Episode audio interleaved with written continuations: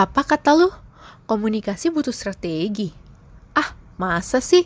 Semua orang bisa komunikasi kali, tinggal ngomong aja kan? Makanya anak-anak ilkom tuh santai banget, kerjaannya bikin event mulu. Seru sih kelihatannya, tapi ya udah gitu aja, nggak kayak jurusan lain.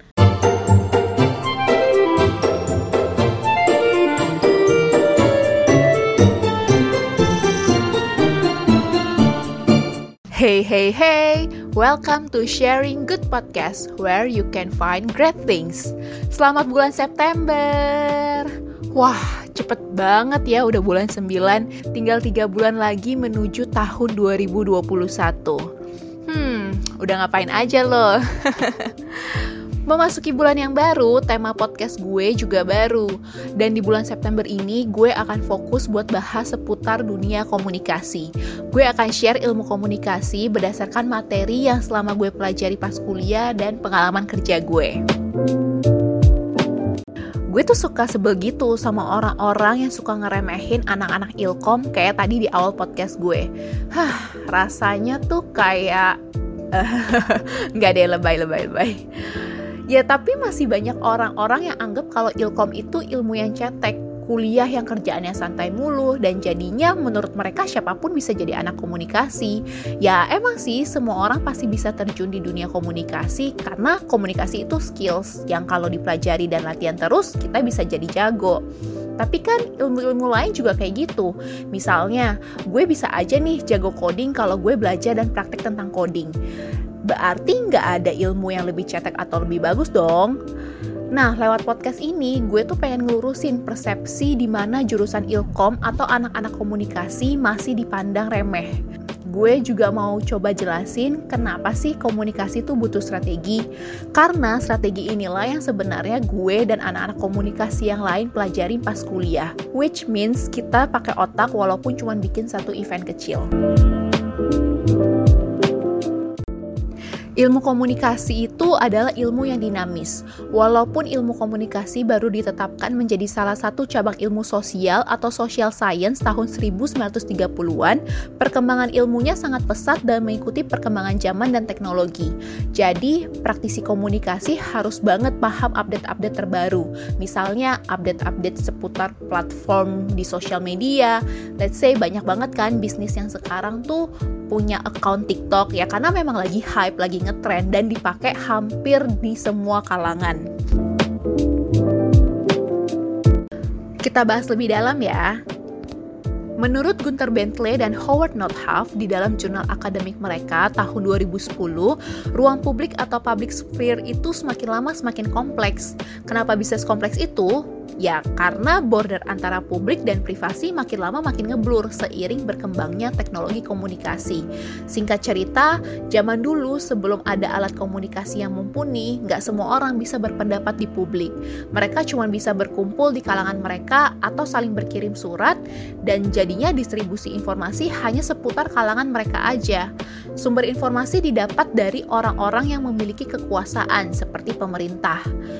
Kalau sekarang, di mana teknologi komunikasi seperti TV, radio, koran, dan bahkan internet yang dimulai dari abad ke-20 sampai sekarang, orang tuh bisa berkomunikasi secara bebas mengenai apa pun dan bisa saling mempengaruhi satu sama lain. Dan gak hanya pemerintah jadinya, siapa pun bisa berekspresi di ruang publik, termasuk lo kan. Rakyat jelata pun itu bisa jadi dikenal seantero negara lewat sosial media. Setiap orang juga bisa mengaku diri mereka sebagai representatif dari suatu kalangan atau suatu golongan dan menyuarakan pendapatnya di publik supaya tujuan mereka tercapai. Dan gak heran kalau kita makin hari makin sering lihat organisasi-organisasi non-profit atau NGO yang bertumbuh di tengah-tengah masyarakat. Ya, kalau lo googling aja nih, search aja NGO atau non-profit organization, pasti banyak banget kan organisasi-organisasi yang muncul baik itu di bidang apa pun. Saking banyaknya dalam tanda kutip pemain atau aktor di dalam ruang publik atau public sphere tadi, kita jadi terima banyak banget informasi, baik itu di sosial media, broadcast, grup, omongan langsung, atau media lainnya. Kita jadi kayak kebanjiran informasi atau bahasa kerennya information overload, sampai-sampai attention span kita tuh makin berkurang di salah satu training tentang digital marketing dari General Assembly yang waktu itu gue sempat ikut, pembicara tuh bilang kalau saat ini kita cuma bisa fokus di satu konten selama 7 detik rata-rata. Wah, pendek banget kan? Makanya berita-berita online sekarang tuh makin lama makin pendek dan gak heran kalau orang-orang juga mulai meninggalkan koran yang notabene kontennya panjang banget. Ini karena kita makin sulit untuk fokus di satu konten aja dan masih banyak konten lain atau informasi lain yang datang ke kita dan minta perhatian kita. Makanya juga lo pasti pernah dengar tips dari pakar-pakar komunikasi atau marketing yang bilang kalau 15 sampai 30 detik pertama itu sangat menentukan. Informasi penting dan impresi yang mau lo dapetin dari masyarakat harus ditaruh di detik tersebut karena mayoritas orang akan berpindah ke konten lain setelah 30 detik. Apalagi kalau konten lo nggak menarik di 15 detik pertama, ya orang akan pas langsung pindah. Terus-terus numpang nanya lagi deh, dari sekian banyak informasi, informasi mana yang paling lo inget? Pas lo buka-buka portal berita deh misalnya, kan banyak banget tuh headline-nya. Lo pasti akan milih headline yang sesuai sama interest lo kan. Misalnya update gosip selebriti, ramalan bintang, lifestyle, atau headline-headline clickbait lainnya. Lo pasti milih buat naruh perhatian lo di konten yang isinya emang relate ke kehidupan pribadi lo, baik itu karena lo pernah mengalami hal yang sama, atau memang karena berita itu isinya emosional. Ambil contoh lain deh, sekarang kan banyak banget yang buka bisnis sampingan selama pandemik, termasuk gue sih. Jualan siapa yang paling lo ingat? Yang paling sering muncul di home lo? Atau yang promosinya nggak jualan banget? Yang pertama lo ingat kemungkinan besar adalah cerita tentang produk atau brand itu. Habis itu lo baru bisa recall deh, oh ini toh jenis produknya. So, attention atau perhatian kita sekarang tuh jadi komoditi. Hah, maksudnya gimana?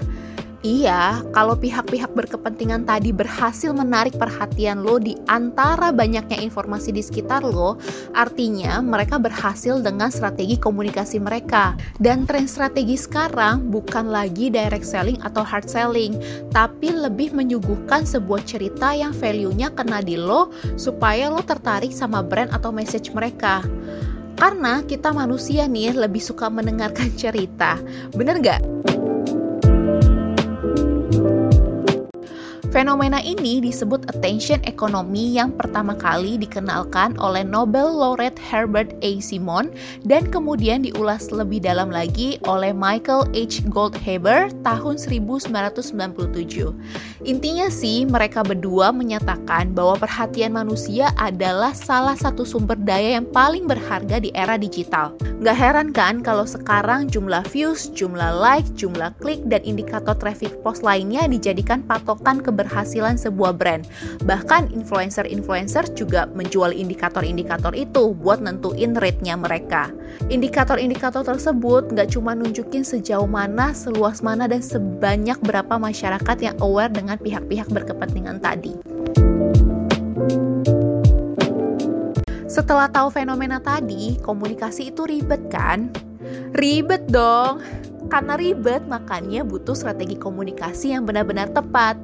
Dan metode yang paling basic untuk menentukan strategi komunikasi yang tepat adalah menggunakan Laswell's Model Communication yang sudah ada sejak tahun 1948 tapi masih relevan sampai sekarang. Who says what, to whom in what channel? Siapa yang menyampaikan pesan tersebut? Target audiensnya siapa? Message-nya apa? Dan pakai channel komunikasi apa? Terakhir, baru deh evaluasi impact dari strategi komunikasi tersebut. Sekarang strategi komunikasi tuh udah makin berkembang dan kompleks seiring berkembangnya teknologi komunikasi apalagi di era big data. Gue emang gak bisa bahas semua strategi komunikasi di episode ini sih, tapi kalau kalian tertarik buat tahu lebih lanjut, DM aja Instagram gue at Peselin. Gue sangat terbuka kalau lo mau diskusi sama gue, atau gue juga bisa ulas topik yang lo mau di podcast.